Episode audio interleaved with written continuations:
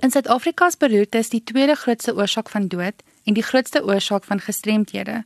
Daarom is die Angels Initiative 'n organisasie wat intree om hierdie tipe pasiënte beter kans om oorlewing te gee op die been gebring. Renate van der Merwe, senior koördineerder van die Angels Initiative, het kom gesels in die Marula Media Ateljee oor die belangrikheid van die tipe werk en bewusmaking rondom hierdie gesondheidskwessies.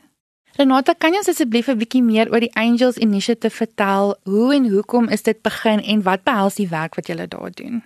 Die Angels Initiative is 'n organisasie wat help om die pad wat 'n beroerte pasiënt van voor die hospitaal saam met die ambulansdienste en in die hospitaal seepglad te laat verloop. Ons neem ongelukkig baie keer aan dat dokters en verpleegsters en paramedici baie tyd in hulle opleiding spandeer aan hierdie tipe siekte toestande, maar dis ongelukkig nie altyd waar nie want daar's soveel wat hulle moet dek in hulle opleiding. So dit is ons plek is om met 'n konsultasieproses te help met 'n hospitaal, privaat en staatsinstansies sodat hulle dan beter na die pasiënte kan omsien sodat hulle weet wat om te doen met die pasiënt. Ons help met protokolontwikkeling, bewusmaking vir die hospitale as hulle self uitreike wil doen. So daar's 'n hele konsultasieproses en 'n ondersteuningssisteem wat ons vir hospitale bied. En sê vir my, hoekom dink jy is so 'n organisasie juist veral belangrik in 'n land soos Suid-Afrika? Die Angels Initiative is 'n wêreldwye organisasie. Dit het toevallig begin in Suid-Afrika deur van 'n Merwe van Pretoria. Jan van der Merwe is nou wêreldwyd die hoof van Angels en hy bly in Duitsland.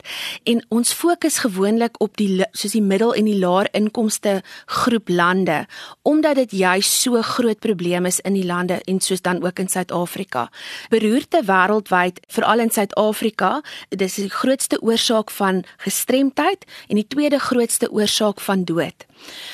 Die probleem is ons lewe in 'n gemeenskap waar jy baie keer een volwassene het wat na 'n klomp ander mense om hulle moet omsien, veral in jou laer inkomste groepe.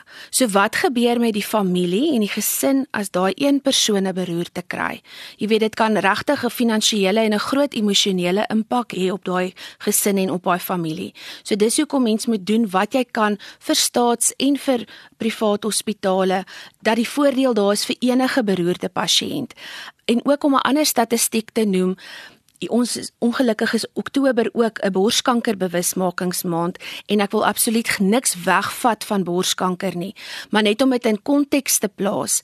Die Wêreldberoerte Organisasie se statistieke sê dat 1 uit 4 persone 'n risiko het om 'n beroerte te ontwikkel, waar met borskanker is dit 1 uit 27 vrouens. So dis hoekom ek sê dis baie meer algemeen as wat mense besef en hulle besef ook nie altyd dat dit 'n noodgeval is. Ek moet so vinnig as moontlik by die hospitaal en by die regte hospitaal uitkom nie. Ook nie om by 'n kliniek te gaan wag nie, ook om nie by my algemene praktisyn se spreekkamer te gaan wag nie, maar om direk na die hospitaal toe te gaan of om die ambulansdienste kontak sodat hulle die regte hulp vinnig kan kry. En sê vir my hartsiektes of hartstoestande soos 'n beroerte is iets wat baie mense dink net verbonde is aan ouer mense, maar hoekom moet jonger mense ook waaksaam wees met hierdie tipe goed? Mens kyk gewoonlik na die risikofaktore wat 'n rol speel en die risikofaktore is nie altyd net ouderdomsgebond vir jou ouer generasie nie. Daar is 'n toename in die ouer pasiënte, maar dit is nie uitsluitlik net ouer mense wat beroertes en hartaanvalle kry nie. As jy dink aan 'n risikofaktore, dan kyk mens na die gewone goed wat jou dokter jou gewoonlik teen waarsku, soos om gereeld vir 'n ondersoek te gaan, om te weet wat is jou bloeddruk, om te kyk na jou cholesterol vlakke, om seker te maak oor jou insulien en jou glikose vlakke, om te weet of jy diabetes en om die regte behandeling daarvoor te kry. En dan natuurlik ons lewenstyl wat nie altyd enigsins bydra by hierdie situasie nie, omdat ons in 'n baie stresvolle omgewing werk en lewe. Dis 'n baie vinnige pas waarteen baie mense werk en lewe en jy weet jy maak nie tyd vir die gewone goed net om asem te haal en om jou stresvlakke te beheer en dan is daar ook natuurlik 'n komponent van familiegeskiedenis wat 'n baie groot rol speel. En sê vir my baie mense weet nie noodwendig hoe dit lyk as jy 'n beroerte of 'n hartaanval kry nie. Wat is van die tekens waarvoor 'n mens moet uitkyk en wat moet jy doen as jy of die een is wat die aanval kry of die een is wat iemand dalk moet help daarmee? As jy vermoed dat iemand 'n beroerte kry, is die beste raad om die fast toets te doen. So fast is 'n afkorting wat staan vir in Engels face arm speech en time tyd. So die eerste ding is jy sal vir die persoon vra om te glimlag, want as hulle 'n beroerte kry en hulle glimlag, gaan die een kant van hulle gesig gaan hang. Die een kant gaan glimlag en die een kant gaan hang. Dan die tweede een, die A staan vir arm. 'n persoon wat 'n beroerte kry, is dis nie vir hulle moontlik om hulle arms reguit voor hulle uit te strek en daar te hou nie. Die een arm gaan of natuurlik begin afsak of hy gaan so lam wees. Dit gaan, jy weet, hy gaan soos verlam lyk. Like. So as jy hom optel, gaan hy net pap val. En dan die derde ding is spraak. Die S vir fast staan vir spraak of 'n speech.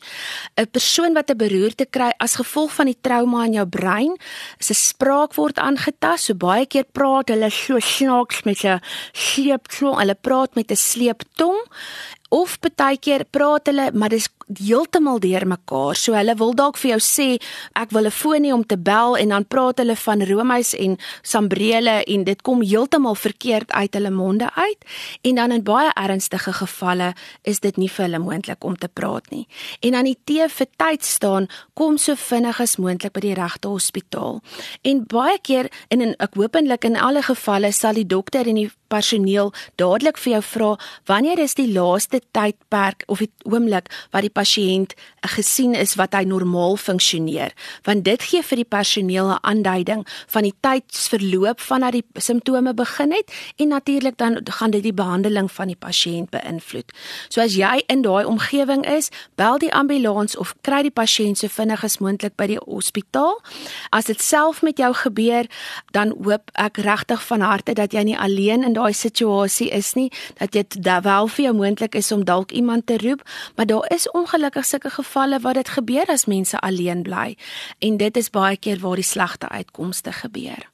En sê vir my as dan weer terug kan gaan na ouderdom toe ek verstaan jy het ook 'n projek wat jy juist op die jonger garde fokus, kan jy my 'n bietjie meer daarvan vertel? O, dis 'n baie wonderlike projek waarmee ons besig is en ek is baie geseënd om die nasionale koördineerder van Fast Heroes te kan wees. So Fast Heroes is ontwikkel deur die ondersteuning van Angels Initiatief deur die Universiteit van Macedonië in, in Griekeland en hulle het daai Fast akroniem wat ek nou genoem het gebruik om animasie karakters te skep om kinders van hoofsaaklik grondslagfase te leer hoe om 'n beroerte te erken want ons weet ons lei in 'n samelewing waar kinders baie tyd saam met groot mense spandeer. Of dit nou na skool by die naskooltannie is of dit is by oupa en ouma wat hulle dalk by die skool gaan haal of dalk by die buurvrou En wat gebeur met een van daai mense as hulle die persoon is wat die beroerte kry? Dis baie keer die kind wat die simptome moet erken en om dan te weet wat om te doen. So die animasie karakters is presies daai FAST akroniem. Dit is Frank, Armando, Sofia en Timmy en Tanya. So Frank, Armando en Sofia is die ou superhelde wat nou nie meer kan gesigte trek en gewigte optel en stories kan vertel nie vanweë die beroerte, maar Timmy en Tanya Tanya is ons eintlike helde want hulle weet wat gebeur met oupa en ouma en hulle weet dat 112 die noodnommer is om te skakel. Die 112 is ook gekoppel aan die simptome, so dit is een kant van die gesig wat hang, een arm wat lam is en twee lippe wat nie werk nie. So die 112 noodnommer is ook deurgetrek in daai afkorting.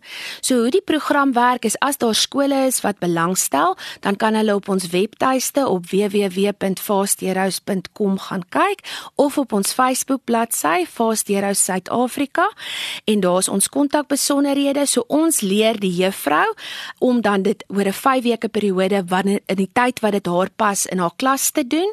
Soos ek genoem het, is hoofsaaklik vir jou 5 tot 9 jariges, maar as daar enige ander laerskoolklas is wat belang sal stel, is hulle baie welkom. Daar is geen koste aan die skool betrokke nie. So die werkboek word vir hulle verskaf. Die opleiding is gratis gratis. Die poging is regtig om wêreldwyd meer as 'n miljoen kinders te raak deur hierdie program en ek voel Suid-Afrika kan regtig bietjie meer doen as hulle deel. Ons kan nog so bietjie beter doen daar. En daai presies wat jy nou sê, haak nou perfek aan by 'n inisiatief wat julle nou binnekort hierso by die Voortrekker Monument gaan aanbied. Kan jy ons bietjie meer oor julle pretloop vertel wat nou voorlê? Ja, dit is 'n wonderlike gesinsdag.